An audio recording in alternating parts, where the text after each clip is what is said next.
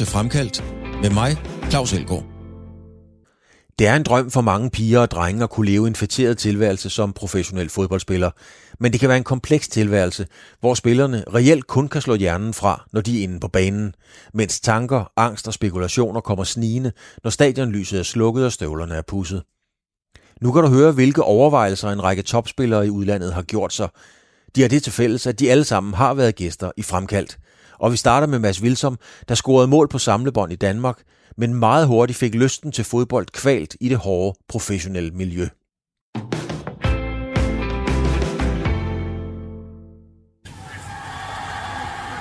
Og det er jo altså Lionel Messi her, som for Gud hvilken gang bliver kåret til, til verdens bedste fodboldspiller.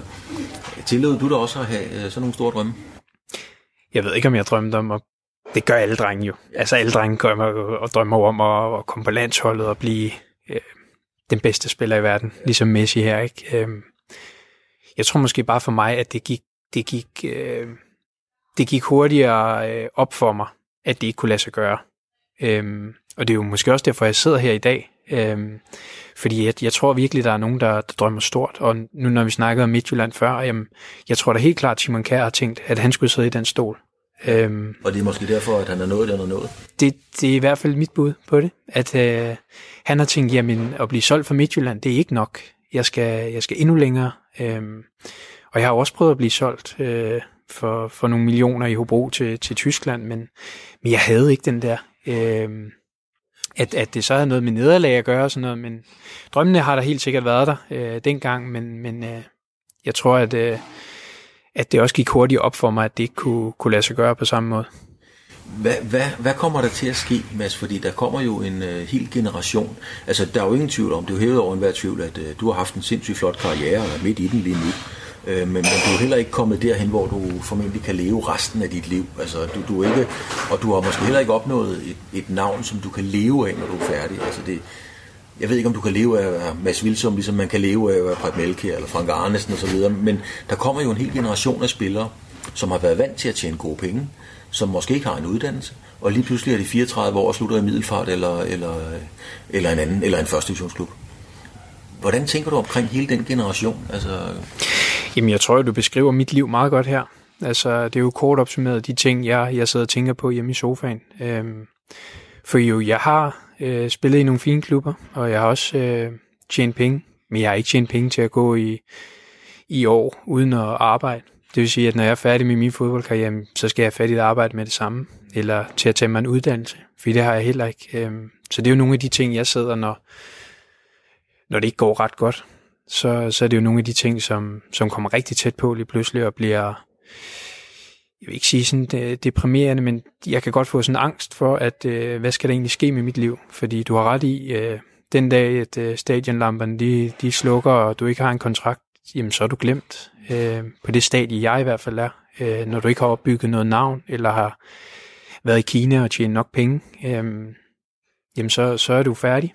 Og så, øh, så skal du bide det sure æble lige pludselig, og, og måske få nogle jobs, som ikke er så sjove. Øh, og det er jo først noget, jeg er begyndt at tænke på over her de sidste øh, 3-4 år, at det kunne godt være, at jeg skulle til at gøre min gymnasieuddannelse færdig. Så nogen som, nu er der studenter lige nu, øh, ser nogen, der er 10 år yngre end mig, som er længere uddannelsesmæssigt, end jeg er. Øh, og så kan man ellers gøre det godt som fodboldspiller, men for mig der er det noget, der florerer rundt i, i mit hoved hele tiden. Hvad, at jeg, hvad er det for nogle tanker, du så gør dig, når du siger, at du kan godt få lidt angst? Hvad er det, der rammer dig, når du, når du, når du tænker over det? Jamen, det er jo svært, først og fremmest for mig selv, at, at tænke på, at du har haft fodbold i hovedet siden du var 14 år. Lige siden jeg kom her til Midtjylland har alt handlet om fodbold. Øh, jeg har kunne betale mine regninger med fodbold. Jeg har egentlig bare skulle spille fodbold for at kunne få livet til at køre. Øhm, og øh, nu har jeg en familie. Jeg har øh, hus og alle mulige ting. Øh, så øh, helt hverdagsting at kunne betale mine regninger, når, når min kontrakt om to år i Hobro løber ud. Jamen, det kan jeg jo lige pludselig se kan blive et problem. Øh, for jeg har ikke øh, sparet penge op til, at jeg bare kan lade det køre ind på en øh, opsparingskonto, og så kører det i et par år, indtil jeg finder noget. Øhm, så det er jo sådan nogle ting. Altså, hele de her livskriser handler jo også tit om økonomi, at øh, hvis du ikke har penge og sikkerhed i, i det, du går og, og gør, jamen så, så kan man tit øh, havne der et sted. Øh, sådan vil det i hvert fald være for mig, at, øh, at øh, jeg har ikke lige en uddannelse, der gør, at jeg kan øh, ringe til en sponsor i Hobro og sige, kunne I ikke bruge mig som, som et eller andet? Fordi de vil nok tænke, hvad kan du overhovedet ud over at spille fodbold? Og, og de tanker, dem, dem sidder jeg faktisk med øh, næsten dagligt, vil jeg sige. Nu sidder vi som sagt øh, midt inde i akademiet i FC øh, Midtjylland, og vi fik lov til at sætte os ned af, af Uwe Petersen, som, øh, som vi lige mødte i døren. Han skulle ud og se U19-holdet spille, det du selv har spillet på en gang. Øhm, at de danske klubber, nu tænker jeg ikke kun på FC Midtjylland, men generelt, er dansk fodbold dygtige nok til at forberede en ung spiller som dig, der er en 15-16 år på, at en dag er man altså også 7-28 og står uden en uddannelse? Jeg vil sige, der, der er meget forskel på, hvordan man gør det i dag, og hvordan man gjorde det for 10 år siden. Øhm, dengang, der havde jeg valget om at enten træne med førsteholdet, som de fleste, nu fik jeg det byen meget tidligere, eller 16 år. Ja, du var den yngste i Superligaen, så vidt jeg. Ja, på det tidspunkt øh, var jeg den yngste, og, og der er det svært at sige nej til at træne med Superligaen, fordi at når vi snakkede om drømmen før, jamen så var min drøm at, at træne med Superligaen og spille kampe inde på MCH Arena, så jeg havde rigtig svært ved at sige nej.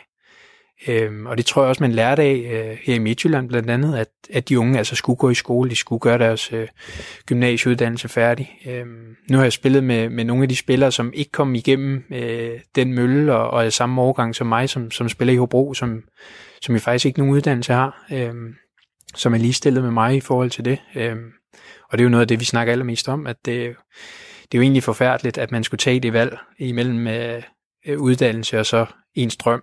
Øh, fordi at det er svært at sige til en på 16 år, at man, man skal tage en uddannelse, før man må træne med Superligaen. Så ligesom taget som gissel på en eller anden måde? Ja, det synes jeg lidt, man gjorde dengang, og det er jo også derfor, man har ændret det i dag, at i dag der går de i skole her i IKAS på, på akademiet og kan, kan passe det med, med træning, og der er meget mere fleksibilitet i forhold til at, at kunne følge skolen, så jeg ville da ønske, at der var, der var en, selvfølgelig så, så skulle jeg altså selv have gjort noget ved det, og pilen peger kun et sted, fordi at jeg jo jeg er jo født nogenlunde tænkende, at øh, selvfølgelig så stoppede fodboldkarrieren en dag, og så skulle jeg jo have noget at falde tilbage på, men, men det tænkte jeg bare ikke på. Jeg øh, tænkte, at øh, jeg skulle frem over stepperne, og jeg skulle spille med førsteholdet, og det krævede også, at jeg trænede med førstehold. Så jeg tror, der sidder rigtig mange i, i min generation, eller i min overgang, som, som har det her problem med, at, at man har satset alt på fodbold, og man fik måske ikke helt den karriere, som, som man måske havde drømt om som, som 14-15-årig. Øhm, og nu sidder man lidt øh, i efteråret af ens karriere, og, og kan sidde og tænke på, hvad, hvad delen man skal lave efter, efter fodbold. Altså nu har vi snakket om det her med om, et godt og et dårligt menneske, men også det der med at være et tænkende menneske, og altså, du er jo en, en person, som reflekterer over tingene. Du er et følsomt menneske, det, det, det tror jeg ikke, der er, der er nogen tvivl om. Øhm, men er det, er det en ulempe at tænke for meget over tingene, hvis man lever fuldtids af at spille fodbold? Ja, for min karriere har det været... Øh, hvis man kigger på mit, mit forløb og de klubber, jeg har været i, jamen, så har jeg tænkt alt for meget over tingene. Øhm, jeg har været bedst... Øh, jeg har været bedst i, i de perioder, hvor jeg slet ikke har tænkt over noget.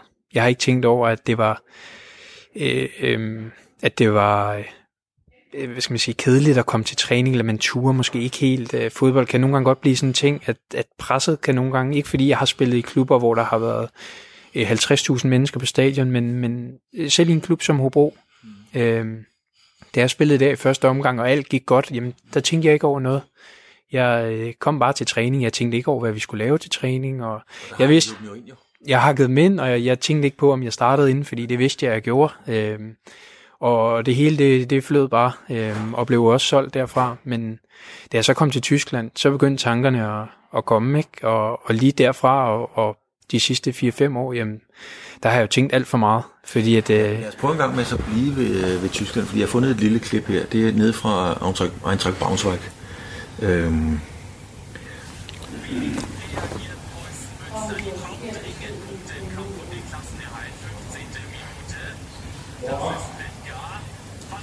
Hvad er det for en klub, øh, Eintracht Braunschweig? Jamen, Eintracht er, en, øh, er faktisk en kæmpe klub i, øh, på det tidspunkt i anden Bundesligaen, som, som jo lige nøjagtigt glippede øh, havde før i tiden spillet i Bundesligaen, rykket ned, øh, hentede mig blandt andet og en, og en masse andre, øh, og satsede på at komme i, komme i Bundesligaen igen. Øh, men glippede desværre mod Wolfsburg øh, senere hen, da jeg var, da jeg var lejet ud, men stort stadion, rigtig tysk øh, traditionsklub, hvor hele øh, øh, byen bakker op øh, om, om fodboldholdet, og hvis du spiller i Eintracht Braunschweig, jamen, så, er du, så er du kongen af byen. Øh, og selvom at, at jeg kom fra Hobro og var absolut ingenting, jamen så kom jeg lige pludselig øh, gående ned i byen, hvor folk de vil øh, stanse en, og de her ting, man nu øh, ser på tv, det var lige pludselig mig, ikke? Og, og man skulle ikke øh, rende rundt for sent ud om aftenen og sådan noget, så blev det rapporteret ind, ikke? Så altså, det var øh, kæmpe omvendning i forhold til Hobro, hvor vi sad og ja, så havde lejrbål og, og sang sammen, ikke? Der, der kom man jo ned til, til tysk øh, mentalitet, hvor at, øh, tingene skulle være i orden, og, og man snakkede helst ikke med dem, der ikke øh, snakkede tysk øh, som øh, modersmål, ikke? Så det var benhårdt øh, for en... Prøv en gang med at sætte os ind i det, fordi man kan sige, at du skifter fra Hobro, som jo er en af de mindste Superliga-klubber i Danmark i hvert fald. Du skifter til en tysk anden Bundesliga-klub. Altså det er ikke et skifte fra Real Madrid til Barcelona eller fra Dortmund til, til Bayern München. Det er fra Hobro til Eintracht Braunschweig. Og alligevel er der et vanvittigt pres på. Altså hvordan er stemningen, når man kommer ind øh, og er Mads Wilsum i en anden Bundesliga-klub? Altså Øh, klapper de der på skuldrene og siger, det bliver fedt, øh, vi skal nok lige hjælpe dig med at flytte ind og parkere bilen og finde telefon og så videre? Overhovedet ikke. Altså man kan sige, hvis jeg har spillet i Real Madrid og skiftet til Dortmund, øh, så havde de fleste vidst, hvem jeg var. De havde haft respekt for mig, de havde øh, muligvis set mig i fjernsyn og tænkt, wow, hvor er han god. Øh, jeg skifter altså fra Hobro, hvor at absolut ingen mennesker øh, kender mig. Øh, det er måske de færreste i Danmark, der rigtig ved, hvem jeg er. Øh, til en, en klub og et omklædningsrum, hvor at folk overhovedet ingen idé har om, hvem jeg er. De ved ikke, at øh, de ved for det første ikke, hvad Hobro er. De har aldrig hørt mit navn før, øhm, så det vil sige, at du er øh, lavest i fødekæden. Du er heller ikke tysk, øh, du snakker ikke sproget, så automatisk så ligger du nede på bunden og må, må kæmpe dig op. Og det, er, det var rigtig svært for mig. Det var... Ja, der, kan du komme med nogle eksempler på, altså hvordan at det bare var hårdt? Altså, jeg, jeg har mange eksempler på, på, på træningsepisoder, hvor man øh, ganske enkelt bare bliver klappet ned. Øh, men, men jeg har en, en episode, som, som er sjov nok, fordi det, det er første dag, der bliver jeg præsenteret på stadion og laver de her lægetjek og, og sådan nogle ting, fordi klubben alligevel har, har købt en, en spiller for, for 5 millioner øh, deromkring. Øh, så, så de har jo nogle forventninger til, at man, man har det hele under kontrol, og de vidste godt, at mit tysk ikke øh, var super godt, og dagen efter skal jeg så starte træning, øh, og jeg kommer ned i omklædningsrummet, og jeg kan godt se, at der er ikke rigtig nogen, øh, der er ikke rigtig nogen spillere dernede, og jeg kan ikke rigtig finde fyserne eller massørerne, eller Emil, Greve, Emil Berggren er der på det her tidspunkt, som, som jo var lidt en tryghed for mig, øh, øh, fordi vi havde, øh, begge var danske, og begge to havde spillet i Hobro. Øh, han er der heller ikke, og jeg sidder og tænker, at der er et eller andet galt der. Øh, det viser sig så, at de alle sammen sidder inde i møderummet, og jeg har fået at vide dagen før på, på tysk, og jeg var alene, at øh, jeg altså skulle komme, øh, lad os sige 8.45, og jeg kommer så klokken 9. Og øh, jeg må så ikke komme ind til mødet, og jeg tænker, at det, det er lidt skørt, for jeg har ikke engang hils på, på mine holdkammerater dårligt nok. Øh, og øh, bliver også bare noteret for en, for en kæmpe bøde, ikke? Øh, som var faktisk en rimelig stor del af, af min løn, ikke? og der tænkte jeg godt nok, øh, wow, altså er det på den her måde? Ikke? Altså, så jeg startede rigtig skidt dernede, uden egentlig at have gjort noget. Øh, men ja, øh, efterfølgende skete der også en masse ting i forhold til, at du, du kommer ned, og, og de har måske hørt lidt om, at du har scoret mange mål i den danske liga, så du bliver automatisk heller ikke bedste venner med dem, der, der, der angriber, eller, eller i hvert fald offensive spillere, så jeg oplevede tit, at øh, man i hvert fald fik nogle, nogle taklinger øh, fra de forskellige vennegrupper, der, der nu havde øh, angriber eller offensive spillere som, som kammerater. Øh, og på den måde, så kan du lynhurtigt blive isoleret. Ikke? Så det... Var, var du med, altså hvis, øh, fordi en gang imellem gik man ud og fik om ikke en øl, nu var I professionelle fodboldspillere, så en kop kaffe eller spise, altså var du med, var du udelukket ude, frosset ude fra et socialt samvær? Ja, altså jeg havde selvfølgelig Emil, hvor at, øh, Emil og jeg, vi, vi tog os jo lidt af hinanden. Øh, Emil var, var meget, øh, meget bedre end mig til at takle alt det her. Øh, han var benhård og havde sådan lidt Balkan over sig. Øh, den der kroatiske side af ham, den, den gjorde han virkelig gavn af, og den havde jeg bare overhovedet ikke. Altså jeg følte jo, at jeg kom for, for mors øh, kødgryder derhjemme øh, i, i hyggelige Hobro, hvor vi alle sammen var venner og kunne snakke sammen øh, til absolut ingenting. Øh, så, så jeg havde ikke noget socialt samvær med nogen. Øh, og da Emil han tø, blev solgt til, til Mainz, der havde jeg absolut ingenting op. Der opstod næsten sådan en panik i mit hoved, da han skiftede, fordi at der havde jeg ikke lyst til det. På det tidspunkt havde jeg slet ikke lyst til at, at spille fodbold, og det lyder jo vildt mærkeligt, fordi jeg var blevet øh, nummer to på topscorelisten i Superligaen, og min fodboldkarriere skulle måske til at starte der, men, men den dalede kun derfra, må man sige. Øh, der, der, der er mange ting, jeg ville have gjort om i dag, og jeg ville have, have været en anden person, øh, men det var jeg ikke. Jeg viste jo mit, mit sande jeg, da jeg var dernede, at jeg var ikke bygget til det der. Jeg, jeg, jeg dukkede mig. Jeg skulle bare have skudt brystet frem og sagt, her kommer jeg. Men som vi snakkede om før, så, så er der nogen, der klarer den der del, og er meget bedre bygget til at komme ud, øh, end jeg var i hvert fald. Alexander Scholz er dansk mester med FC Midtjylland og ligger i periferien af det danske fodboldlandshold. Scholz, eller Scholle, som de fleste kalder ham, er en anderledes fodboldhistorie. Han stoppede egentlig karrieren i en meget ung alder, men fik så lysten igen. Alexander Scholz interesserer sig for kunst. Han læser meget tykke bøger, og så glæder han sig til fodboldkarrieren er slut. Det fortæller Scholle om, blandt andet.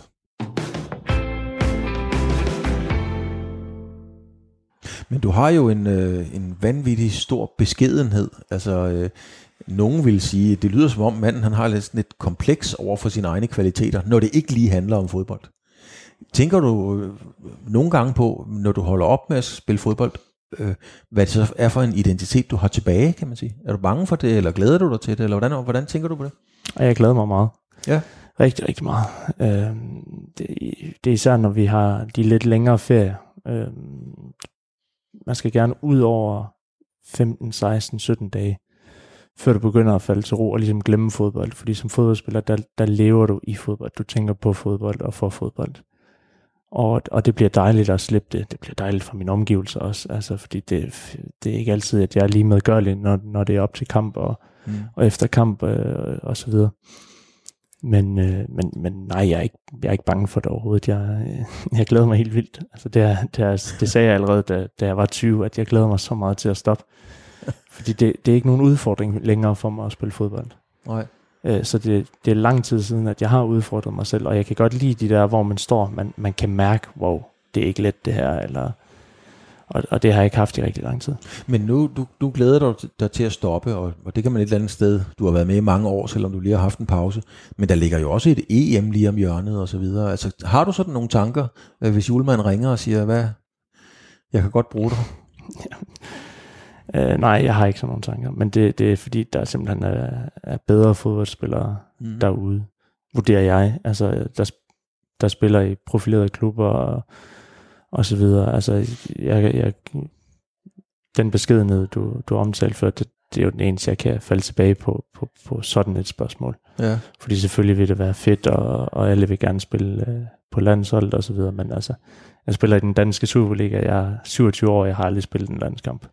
Nej, men, men du gør det godt, men jeg tænker bare på, på, konflikter det ikke nogle gange? Altså kommer du ikke i konflikt med dig selv nogle gange, Scholl, når du på den ene måde er meget beskeden? For, for det er du, det, det er du sgu, og det er klædeligt. Men på den anden side er du også, som vi har talt om, den der determinerede vinder. Altså konflikter det ikke nogle gange? Mm, det gør det, men det, det kommer ikke særligt til uh, udtryk. Altså hvad er ambition? Mm, er man fodboldspiller, så er ambitionen, burde den måske være at, at komme på landsholdet min ambition er måske ikke, og, fordi jeg er realistisk også, det, det er ikke det samme som at sige, at jeg ikke gerne vil være på landshold. Nej. Men min ambition er måske, måske mere at komme til udlandet igen. Ja. Fordi når du først kommer til Danmark, har været ude, så er det meget svært at komme ud igen. Så for mig vil det være en kæmpe præstation at, at komme til udlandet igen og, og komme et lidt, uh, lidt sjovt sted hen. Altså, altså en, lige så meget oplevelsen. Ja, og penge. Ja, penge er det også selvfølgelig det. altså nu, nu spørger du, hvordan, øh, om jeg glæder mig til efter min karriere. Det kommer der i den grad også an på, hvor mange penge jeg har. Altså hvor meget jeg kommer til at, til at kunne hygge mig bagefter. Fordi det er klart, hvis jeg skal ud og arbejde 8-4, ikke at det, altså, det, det skal man jo, sådan, sådan er det. Men nu har jeg den mulighed som, som professionel fodboldspiller, at jeg måske kan, kan gøre sådan, at jeg ikke behøver at arbejde 8-4. Mm. Altså det tror jeg da, hvis, hvis, hvis folk havde muligheden for at vælge, så ville de hellere selv kunne vælge, hvad de vil lave. Og sådan har jeg det også. Og, og i og med, at, øh, at, at jeg har spillet fodbold hele mit liv, og, og egentlig havde lovet mig selv, at, at jeg skulle ud af fodbold, når jeg var færdig med at spille, fordi at det er meget let, nu siger jeg bare i situationstegn, at blive træner eller agent eller noget inden for fodboldverdenen, så, øh, så, så håber jeg, at jeg er i stand til at lave noget, der ikke har noget med fodbold at gøre. Men altså trænerjobbet i forhold til ikke rigtig at bryde sig om interviewene og så videre. Den ligger jo ikke lige til højre benet, så kan man sige. Nej, så skal jeg godt nok uh, snakke med en psykolog først. et, uh, jeg har fundet et klip her, det er, uh, ja, det er op fra FC Midtjylland, hvor I snakker om tøj. kan du huske situationen? Ja. Den kommer her. Nu kommer... Jeg er meget sjovt, vi har lidt øh, forskellige idéer om, hvordan man skal, man skal bruge tøj. Vi, har, vi kan finde nogle billeder frem med Sjølle, det må I lige lave jeres kliparbejde over. Fordi at øh, Sjølle har haft øh, både buksedragter og får og hvad har det haft på? Altså hatte, alt. Hatte og alt muligt. Der er sådan et billede af dig, der kører om øh, bagved. Er det Dal Hente, der sidder der? Eller? Ja. ja. Øh, hvor du går rundt i en, øh, en sort hat og en lang øh, frakke, som, øh, som ligner sådan noget... Øh, ja, et eller andet fra en amerikansk film. Øhm, er det noget, du gør for at, og det har jeg lært i de 35 minutter, vi har snakket nu, Jolle, det er ikke noget, du gør for at få opmærksomhed, går jeg ud fra. Men, Nej, det det. Men, men hvorfor tager du det tøj på? Altså, fordi det er meget anderledes, det stikker helt vildt af fra de andre. Det gør det jo i en fodboldtrup, ja. hvor halvdelen af spillerne de er sponsoreret af Nike, og den anden halvdel er sponsoreret af Adidas. Ja. Altså, så du får et Nike tracksuit, det jeg kalder en pyjamas, og, og den anden kommer af Adidas. Altså, så det er jo meget, meget let, og den er også let købt mm. at tage en hat på, og så være anderledes. Altså, ja. hvis, hvis du går en tur ned i byen, så vil det måske ikke være så anderledes, men men det er jo igen det, at jeg, at jeg er mig selv, og, og det kommer til udtryk i mit hjem, det kommer også til udtryk med, med mit tøj. Ja. Øh, og, og, og øh, jeg kan altid godt lide, når, når jeg forlader et sted og en klub, og de mennesker, der har været der, så, så de kunne mærke, hvem jeg var, og mm. hvordan jeg var. Og så, så er det lige meget, om, det var, om de kunne lide det. Det er jeg egentlig ligeglad med, om det var i øst eller vest. Men de har i mindst kunne mærke det, fordi det er at respektere ved andre. Det var nogle af de første ting, jeg, jeg bemærkede, da, da jeg kom til udlandet, hvor mange forskellige mennesker der var, hvor mange forskellige personligheder de var. Også øh, jo, jo større en personlighed var, jo mere respekterede jeg ham. Det var ikke sikkert, at jeg kunne med ham. Nej. Men jo mere respekterede jeg ham. Ja. Og det, det skrev jeg mig bag øret, og, og, og det mener jeg stadigvæk, at, at det er det rette øh, elementet af, af personlighed. Øh, og det er også noget af det, jeg prøver at lære de, de unge. Øh, det, det er ikke nødvendigvis beskedenhed, jeg, jeg prøver at lære dem. Jeg spørger dem altid, inden sæsonen går i gang, øh, de unge ude i FC Midtjylland, hvor, hvor mange kampe tror du, du kommer til at spille i den nye sæson? Mm. Og der er det jo, altså det, det er jo midtjyder, altså, og selvfølgelig er de ambitiøse, men men altså ikke med store armbevægelser, ligesom højere op i, i klubledelsen. altså, så, altså der, der er det hele tiden med at presse den. Mm. Øh, og, og med tøjet, der er det, det tøj, jeg føler mig tilpas i først og fremmest.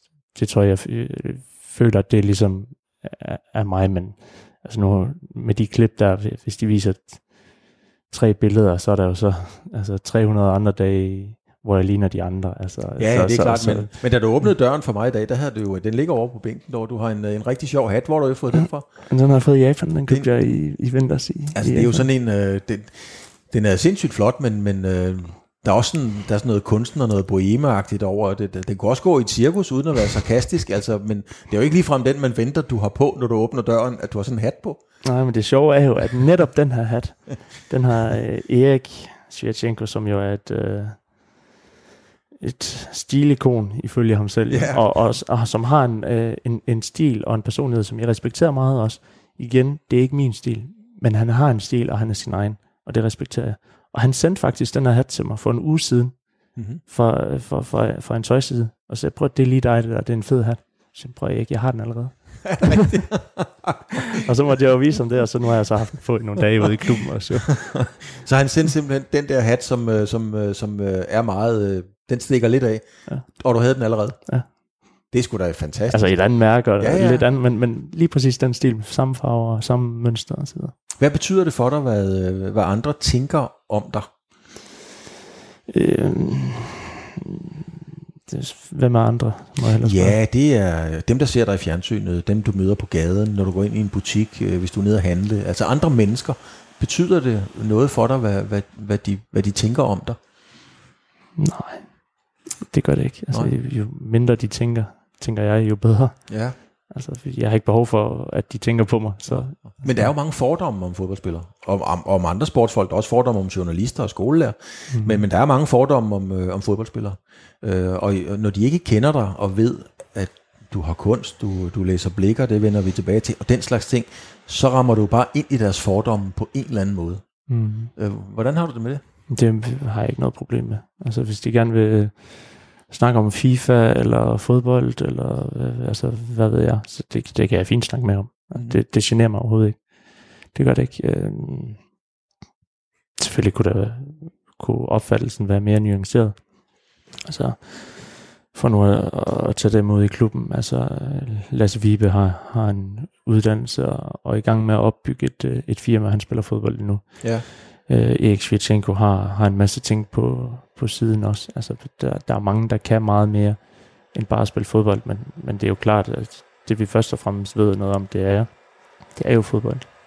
Og generelt så er det sådan, at jo højere du kommer op, øh, nu har jeg ikke spillet på, på aller, allerhøjeste niveau, men, men, men trods alt i Belgien, så må jeg bare sige, altså, så, så rammer det plet med nogle af de ting, som altså fordommene. Øh, det, det er nemmere for mig at spille i Danmark. Det er nemmere for, for mig at være i, den, i en dansk trup også, hvor pengene for det første er, er mindre. Det betyder meget for ens selvopfattelse. Mm-hmm.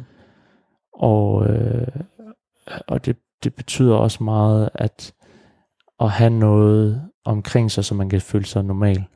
Øh, familie og venner. Fordi hvis du bor i et andet land for at, at lave din métier, og, og alt i dit eget hoved naturligvis handler om dig selv, altså, så er det kun dig selv, der findes. Jeg, jeg skal lige forstå det der, Tjolle, med, hvorfor, hvorfor betyder det meget for en selvopfattelse, at i Danmark og pengene er mindre? Det skal du lige forklare mig. Det ved jeg ikke, men man bliver ikke ligefrem sødere af at have mange penge øh, og, og, og en trup, hvis du har 25 millionærer, der alle sammen kun tænker på sig selv, og så er det ikke nødvendigvis, fordi man har det godt i den trup. Øh, det, det behøver man ikke. Altså det, som jeg sagde før, så har jeg ikke noget behov for at have det godt hele tiden. Jeg har det også fint med nogle gange have det dårligt. Det er en del af livet. Men, men den måde, i hvert fald i Midtjylland, at det er skruet sammen på med et meget fladt hierarki, mm. det gør det meget let at, for alle at være i truppen. Og i udlandet, hvor hierarkiet er meget stejlt, der er det rigtig sjovt, hvis du er i toppen. Det har jeg været, jeg var anført i, i Standard Liège blandt andet.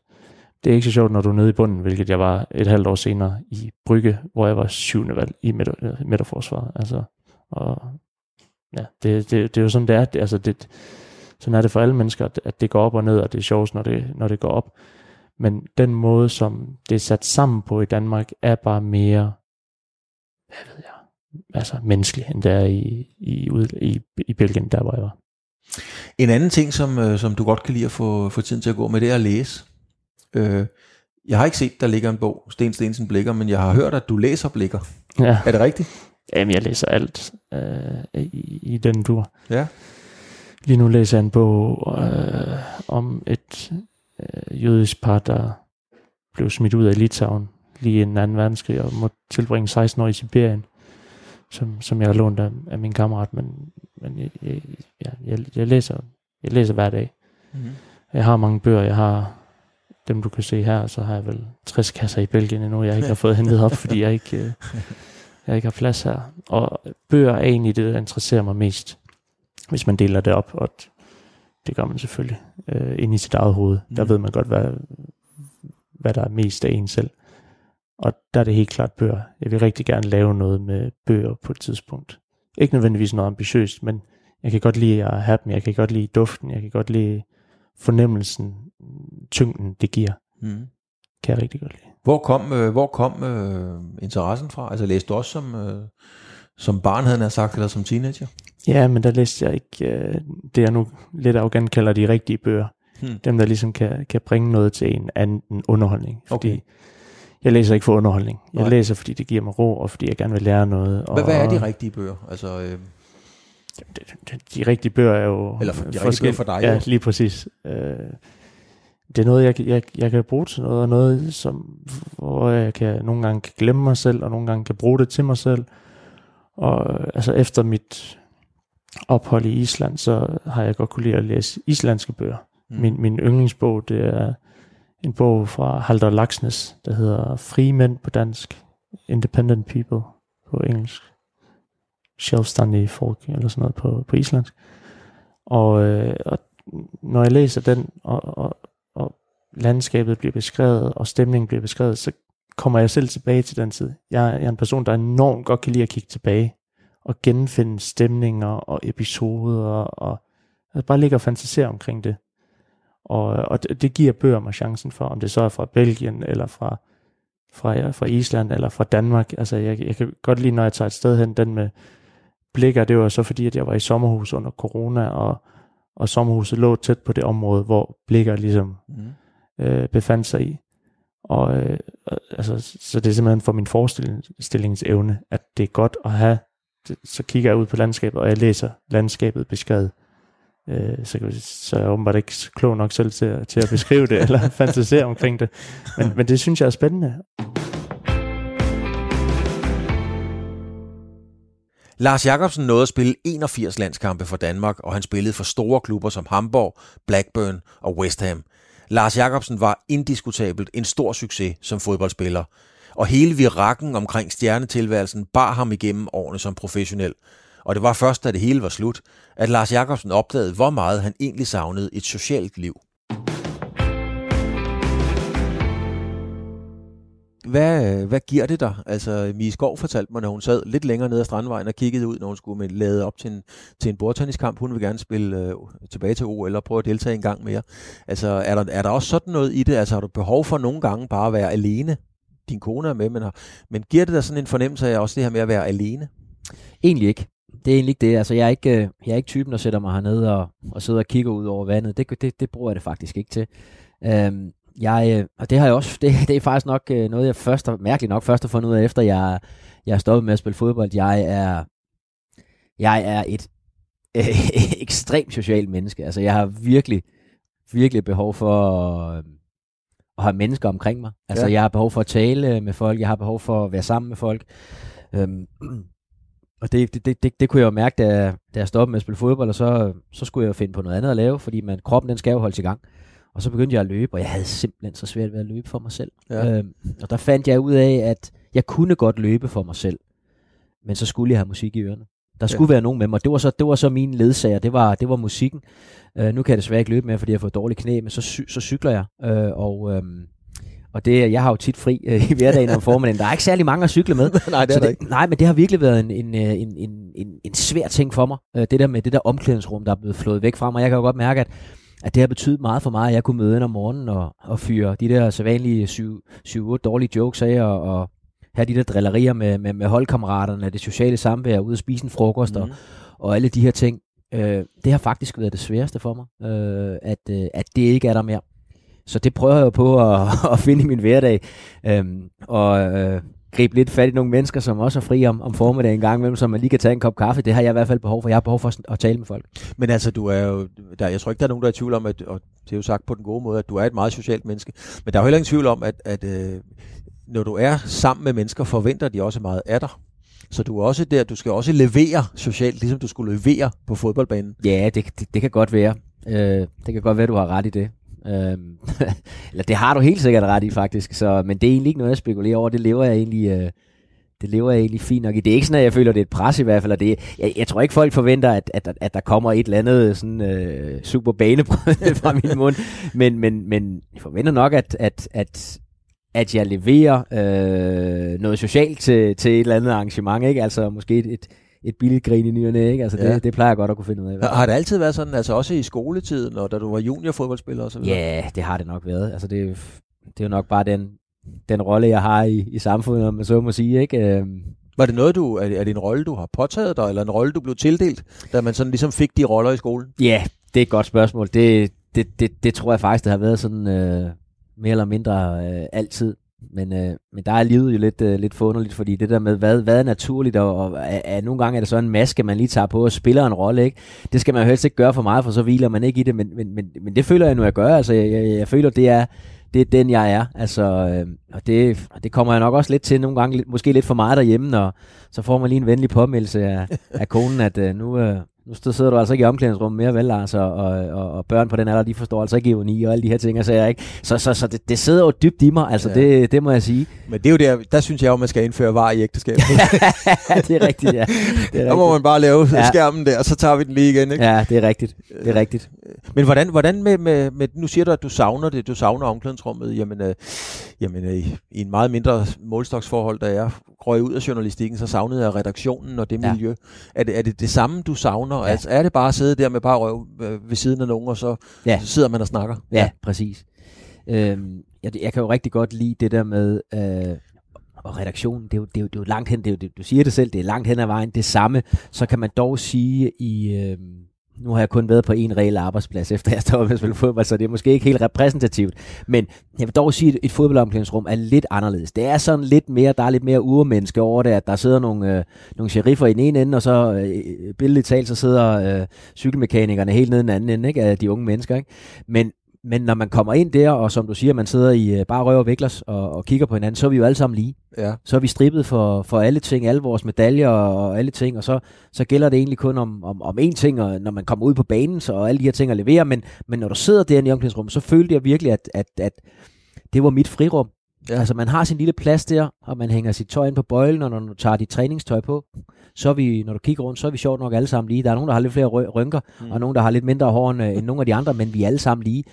Og øh, høj som lav. Og det, det har jeg altid... Øh, det, har, det, har, det, passer ikke, det passer ikke altid, fordi da jeg, var, da jeg var meget ung, der voksede jeg op i et barsk miljø i OB, vil jeg sige. Der var, der var det ikke sådan, man sad og, og, og, og chit-chattede så meget i omklædningsrummet, fordi der var man måske på et andet niveau, men det var, det er virkelig noget, jeg har nyt efter, jeg er kommet sådan op i 20'erne der, der, der har det betydet meget for mig, øh, at kunne sidde der og have det der frirum med mine kollegaer, også nogle af dem også gode kammerater, men det, mm. men, men det er jo så også igen det med fodbolden. Det er jo ikke dine venner alle sammen, men, men du ser folk i øjnene hver eneste mm. dag og, og har samtaler med, med folk, som du kender. Også kender mindre godt, selvom du spiller sammen med dem, og det er, det er utrolig interessant at høre om, øh, om forskellige mennesker. Og så et fodboldomklædningsrum er jo øh, sådan en multikulturel enhed.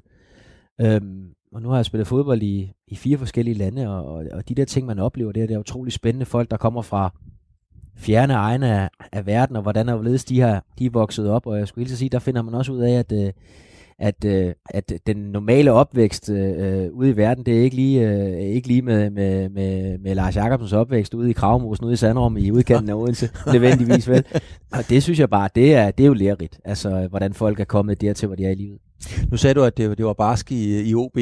Jeg kan ikke lige huske tidslinjen, var det sammen med, var det Donnerup og Hø og Sil? Det, det var lige lidt efter det. Nu, nu, jeg kender jo alle de der, du, du taler. Jeg spillede jo sammen med Lars Hø, og, men det har været både, det har været brødrene Hemmingsen, uh, Brian Sten, Carsten Detlevsen, uh, Schönberg, Schönberg. Skårup måske? Ja, altså de der typer, og der, og der var det, det var en anden side, der, uh, der skulle vi ikke smide bolden ret mange gange væk til træning, Nej. så fik man det at vide på den, på den hårde måde. Og der, der tror jeg, det har ændret sig en lille smule.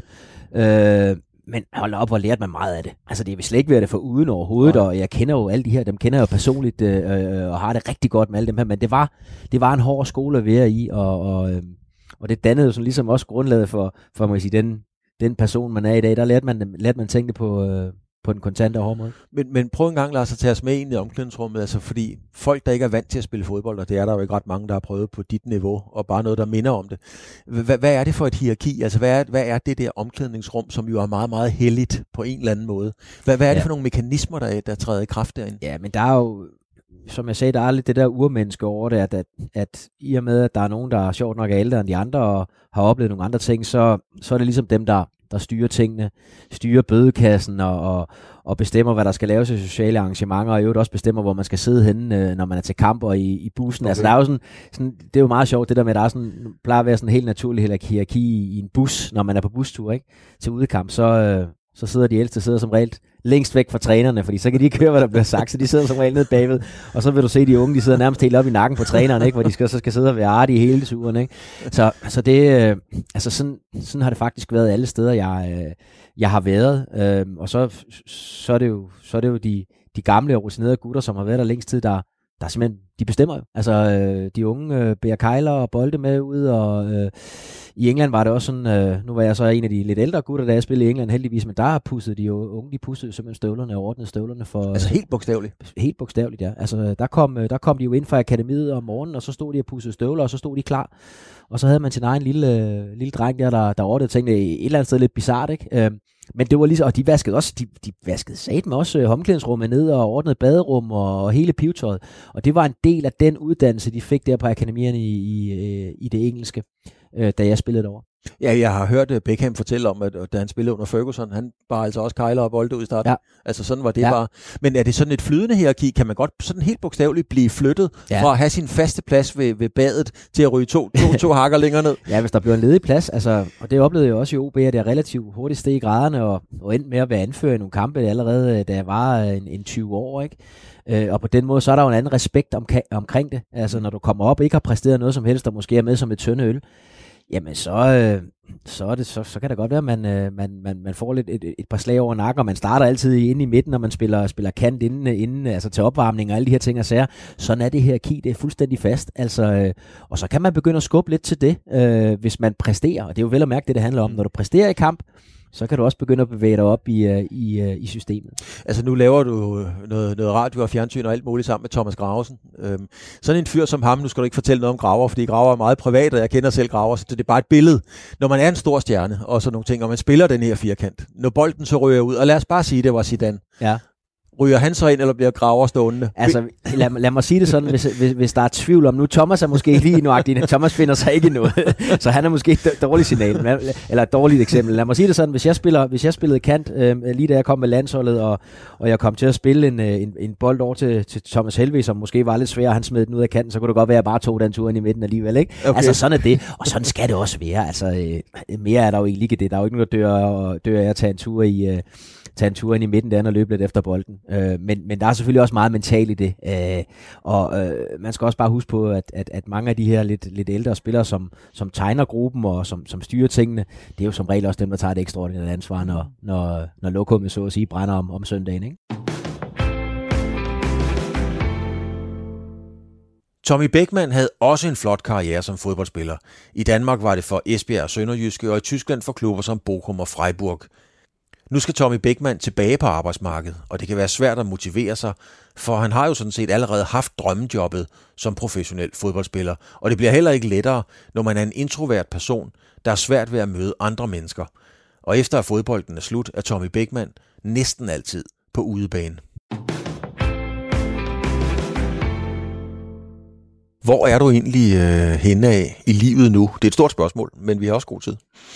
ja, Jamen, øh, jeg, jeg er midt i min ud, eller midt i min uddannelse, der er ikke. Jeg er ved at afslutte min uddannelse øh, på, på Aarhus Universitet som en kan mærke sol. Der mangler lige at skrive mit speciale her i løbet af foråret. Og så lige et par enkelte corona ud efterladte fag, jeg også lige skal, skal igennem. Så jeg har masser at se til det her forår. Hvad laver sådan en kan mærke? Hvad kaldte du det? Sol? Sol, ja. ja. Det er strategi, organisation, ledelse. Okay. Øh, og hvad han laver om, det, det, det, skal jeg jo til, det skal jeg så ud og finde ud af, øh, når jeg er færdig med en uddannelse. Øh, det, men det, det, men hvor, er det typisk, øh, hvor er det typisk, at man kommer hen og arbejder, når man, øh, når man tager den uddannelse? Jamen, den er, meget, den er også sindssygt bred. Det er både inden for ledelse, det kan være inden for, for strategi i virksomheder. Det, det, det, det er en meget, meget bred uddannelse, jeg har taget. Øhm, nok også af den erkendelse, jeg aldrig, sådan, eller aldrig, jeg har ikke sådan haft en sådan klar vision om, hvad det helt præcis øh, vil. Man har en, en klar idé om, hvad, hvad der interesserer mig, ja. og, og hvilken retning jeg gerne vil, øh, når jeg er færdig med at spille fodbold. Men hvad er det så for nogle, øh, hvad skal man sige, hvad er det, man, man vælger imellem, når man kommer fra en, øh, fra en professionel, flot fodboldkarriere. Hvad, hvad, hvad valgte du imellem? Altså, hvordan spoler du dig, eller scorer, hvad hedder det? Hvordan kommer du ind på, at det er den vej, du skal? Jamen, til at starte med var det egentlig at vende hjem fra Tyskland i 11, og så påbegyndte jeg den her uddannelse i 12. Så dem, der kan regne, de godt se, at det er nok, jeg er nok ikke taget på numerisk tid. Øh, så jeg, jeg har brugt lidt længere tid, men de første, hvad har det været, 4-5 år af min, mit studie, der læste jeg også deltids. Øh, der spillede jeg fodbold på siden. Mm. Øh, så til at starte med var det egentlig mere for sådan lidt at se, er det her noget, der interesserer mig øh, for hvad skal man sige, klargøre mit, mit liv efter fodbolden, fordi det kommer unægteligt en eller anden dag. Øh, det kommer snigende typisk, så det er jo lidt for ligesom at, at, at hvad hedder det, øh, og gør klar. Fordi det er sådan lidt en skældsættende dato for alle fodboldspillere. den dag, du stopper med at spille fodbold, jamen, så står man lidt på, på et blankt punkt, hvis man ikke har forberedt sig. Det var sådan lige min måde at forberede mig på. Det var ligesom at skulle spore mig ind på, hvad interesserer mig, hvad, hvad vil jeg gerne? Øh, og der har jeg altid haft en idé om, hvis jeg ikke spiller fodbold, så jeg læst videre på, på Handelshøjskolen, som det hed i sin tid, Aarhus BSS. Mm. Øh, så det tænkte det, det, det prøver jeg da så nu, øh, godt nok øh, med, med 10-15 års forsinkelse, men ikke desto mindre. Men det er jo ikke, eller det er jo langt fra alle fodboldspillere på dit niveau, som rent faktisk øh, gør sig de tanker og overvejelser, fordi jeg har jo også mødt mange af dem, som jo, og, og i mangens bevidsthed, så er det jo en verden, der aldrig stopper. Altså, øh, er det ikke lidt anderledes, at man så tidligt, som du har gjort, der allerede begynder at tænke på, hvad skal jeg egentlig bagefter? Oh, jeg ved ikke, om det, om det er typisk. Der, der er nogen, der gør det. Mm. Eller man siger sådan, det er ikke alle. Øh, jeg vil sige, for, for, for min karriereforløb øh, forløb er det måske lidt mere atypisk, fordi at jeg slog tidligt igennem, så jeg kunne leve af min fodbold i nogle alder. Jeg har spillet sammen med spillere, der har slået igennem senere, så de skulle starte med at studere, og så var fodbold lidt en, en sidegeschæft, mm. hvor ved mig har det været anderledes, at jeg slog tidligt igennem, og så ind i en sen sen alder har skulle påbegynde mit, mit studieliv, og det, det har da også været besværligt gjort nogle ting. Men det, det er jo ikke alle, der, der, der tænker over, dagen kommer. Det, det, det har jeg været sådan rimelig opmærksom på, og der er også kommet mere fokus på det, øh, mm. specielt fra Spillerforeningens side, det der med at, med at klargøre sig til et liv efter fodbolden, fordi der er, der er et hul, mange falder i, hvor det, hvor det kan være svært at komme ud af igen. Men hvad for nogle øh, tanker har du gjort, da jeg, jeg har jo lavet det samme program, eller det samme i, i, i fremkaldt havde Lars Jakobsen med, og Lars fortalte jo meget ærligt, at øh, han blev i fodbolden, fordi han var simpelthen bange for, om han som menneske og individ kunne slå til, hvis han ikke var på hjemmebane, altså i fodbold. Og, og, og, og det turde han simpelthen ikke, og det var han meget ærlig at fortælle om. Hvordan har du det med de tanker? Jamen, det, jeg kan udmærket sætte mig ind i, hvordan Larsen har det. Jeg startede også med at være med, hvad hedder det, tv-ekspert, da jeg mm. stoppede med, med fodboldkarrieren, og havde egentlig også lidt et håb og en idé om, at det var lidt det, jeg skulle lave, fordi igen, så er vi også inden for den samme, den samme kategori. Og det er den der, altså, jeg står også der nu, når jeg er færdiguddannet. Jamen, jamen hvad skal jeg? Hvad kan jeg? Øh, man har altid fået tudet ørerne fuld om, at ens fodboldkarriere har givet en masse godt på ens CV og så videre. At, at det har givet en masse ballast, men det har jeg ikke oplevet nu. Altså man skal ligesom bryde isen og hoppe ud, og det er også en, en skræmmende dag, når, når jeg engang skal ud og have et rigtigt arbejde, som man kalder det. Jeg har lige haft et 8-16 job, og på en måde, der skræmmer mig. På en anden måde, der glæder mig lidt til det der med, at at, øh, at bare have et normalt liv, og have en, en normal arbejdsdag, have, en, øh, have fri, når jeg har fri. Hvordan, hvordan skræmmer det dig? For, fordi jeg ikke har prøvet det. Jeg tror, det for nogle af det, er det skræmmende ting, man ikke har prøvet. Jeg er en type, hvor, hvor jeg ikke altid hopper ud i tingene med, med begge ben, og bare øh, kaster mig ud i ting, jeg ikke sådan helt har, har kontrol over. Jeg er nok lidt en kontrolfreak, der har brug for at vide, hvad skal jeg i morgen? Hvad skal jeg i overmorgen? Mm-hmm. Som fodboldspiller har, har jeg fået det foræret, fordi der har jeg aldrig selv skulle tage stilling til sådan nogle ting. Der har haft træner, jeg har fysisk træner, der har fortalt, i dag skal du det og det, i morgen skal du det og det. Jeg har fået en, en månedsplan, så jeg kunne se den næste måned frem. Jamen der ved jeg, at jeg skal det. Mm-hmm. Øh, og der har du været forkælet som fodboldspiller. Du har fået mange ting øh, skubbet hen foran dig. Det, er, det har været hårdt mange gange, men det har også været meget, meget let på mange andre punkter, fordi du netop er blevet serviceret rigtig meget og har fået at vide, hvad du skulle lave. Det kan godt være, det du skulle lave var hårdt, fysisk mm. hårdt, psykisk hårdt, hvad det nu måtte være, men du har trods alt sådan lidt blevet guidet. Du har aldrig rigtig selv skulle, skulle bruge dit hoved på den måde og, og leve af sit hoved. Man skulle leve sin krop, nu skal man til at leve af sit hoved. Er det noget, der er kommet overraskende for dig, at, øh, at du sidder med en vis nervøsitet for, hvordan det her kommer til at gå? Altså, havde du forestillet dig, at du ville sidde med de tanker i dag?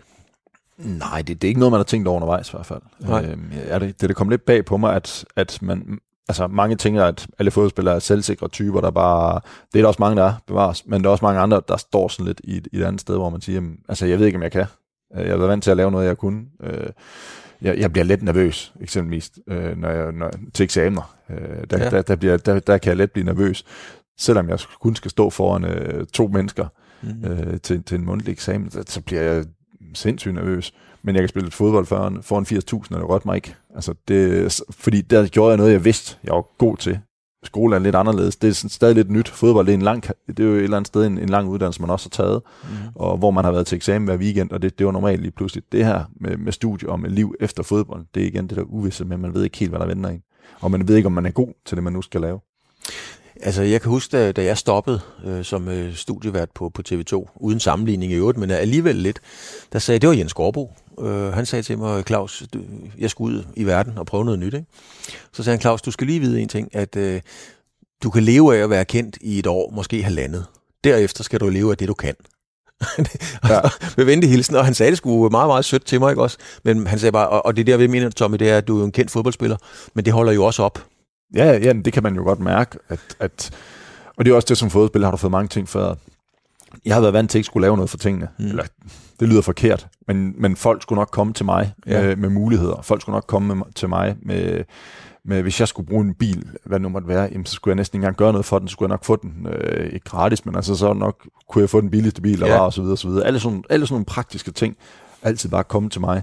Og, så der bliver man lidt forventet som fodboldspiller. Det er også noget af det, hvor jeg skal være bedre til den dag, da jeg boede isen, og så nogle gange sige, at jeg skal skulle gøre noget for at få det, jeg gerne vil have. Indtil nu har jeg det lidt fået skubbet ind, og, og så videre. Ikke? Mm. Og det er jo, men det er også, hvordan du er som menneske. Jeg er meget introvert. Jeg er ikke typen, der springer ud i, i, i, en, i en festsal og råber højst. Det gør jeg, når jeg kender menneskerne. Yeah. Så, så, så, så, så holder jeg mig ikke tilbage. Men så længe jeg ikke kender menneskerne, så er der nok mange, der vil opfatte mig som værende måske små arrogant eller eller andet, men det er, jeg skulle bare meget, øh, hvad hedder det, introvert og meget øh, generet faktisk. Det er meget sjovt, øh, fordi at, øh, ikke for at lave referencer til fremkaldt til programserien her hele tiden, men, men øh, Jesper Jensen, vores håndboldtræner, landstræner, fortalte faktisk i programmet, at han også var meget introvert, og, og han øh, arbejdede med det, ligesom når han lærte øh, pigerne eller drengene at lave hopskud eller bakovergange eller hvad sådan noget hedder, så arbejdede han simpelthen øh, med på, på, på, på at, at blive mere udadvendt. Gør du også det? Eller? Ja, det er noget, jeg tit tænker over, ja. at, at jeg skal være bedre til at bryde isen. For, altså isen for mig er at gå hen til en, jeg ikke kender, eksempelvis. Okay. Øh, og introducere mig, eller et eller andet, både i forhold til øh, netværk, eller i forhold til, hvis man er i byen, hvad det nu måtte være. Mm-hmm. Øh, der er, altså, det er for mig en kæmpe overvindelse at, at snakke med mennesker, jeg ikke øh, kender i, i forvejen. Okay. Det, der, det, det virker jo på en eller anden måde mærkeligt, fordi man kan sige, øh, med den fodboldkarriere, du har haft, der er jo spillere, der kommer ind og ud af døren konstant. Nogen, der vil tage din plads, prøvespillere, øh, alle mulige forskellige typer. Kan man overhovedet være introvert i, i, i, i det miljø? Slår det mig bare lige. Øhm, ja, det, det kan man godt. Men som jeg også sagde, altså jeg, jeg er som udgangspunkt ikke den, der er bedst til at gå hen og tage imod de her nye spillere, og gå hen og omfavne dem fra dag et.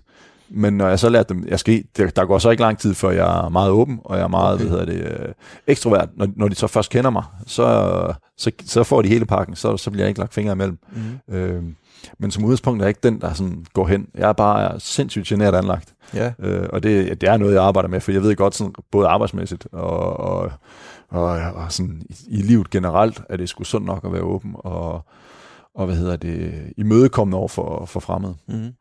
Vi skal jo snakke også om din fodboldkarriere. Vi sidder, øh, vi sidder i et klubhus øh, i Aarhus, og øh, når man tænker professionel fodbold, Bundesligaen, så er der jo meget store tanker og store forhold og alting.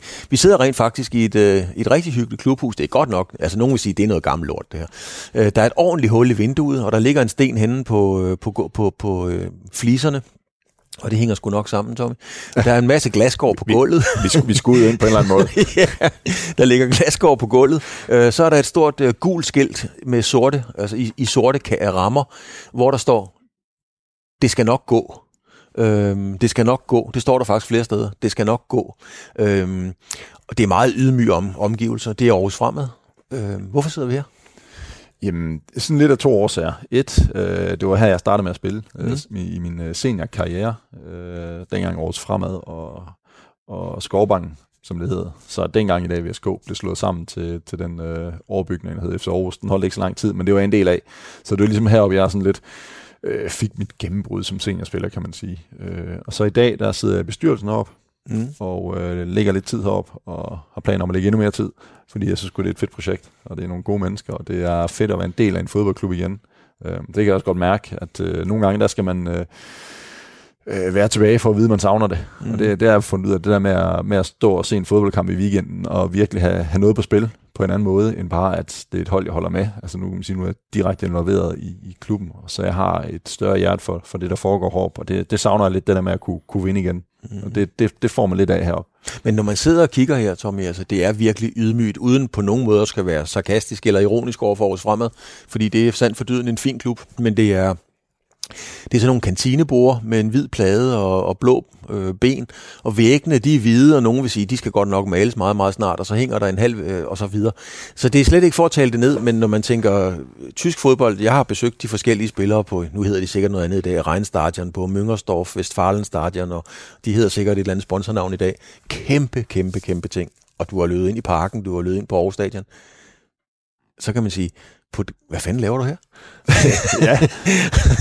ja nu, nu, det, nu, det, nu, er der jo, nu kan vi jo ikke tage de tyske klubber med til Danmark. Det har da været fint, hvis vi lige kunne knalde, knalde Vestfalen stadion ind her, så, så, så, så, så har vi 80.000 i år fremad weekend. Ja. Det, det, det, det, den køber jeg gerne. Men øh, ja, jamen, altså, det er igen det her med, at man, man, skal, man skal i gang med noget, når man er færdig med at spille fodbold, og der åbnede sig en mulighed her. Mm. Øh, og det var lidt, øh, det, det var inde på tidligere, det med, at nogle gange så er man vant til, at mulighederne dumper ned. Det gjorde det også lidt her. Øh, direktøren i klubben, øh, Lars Kruse, ja. mødte jeg øh, over til noget paddeltennis og spurgte, om, om det kunne have interesse, og, og det kunne det godt. Så det var egentlig ikke mange møder, der var, der var ført, at jeg var en del af det her, fordi at, øh, et eller andet sted, så var der også sådan lidt i den du, jeg gik og ventede på.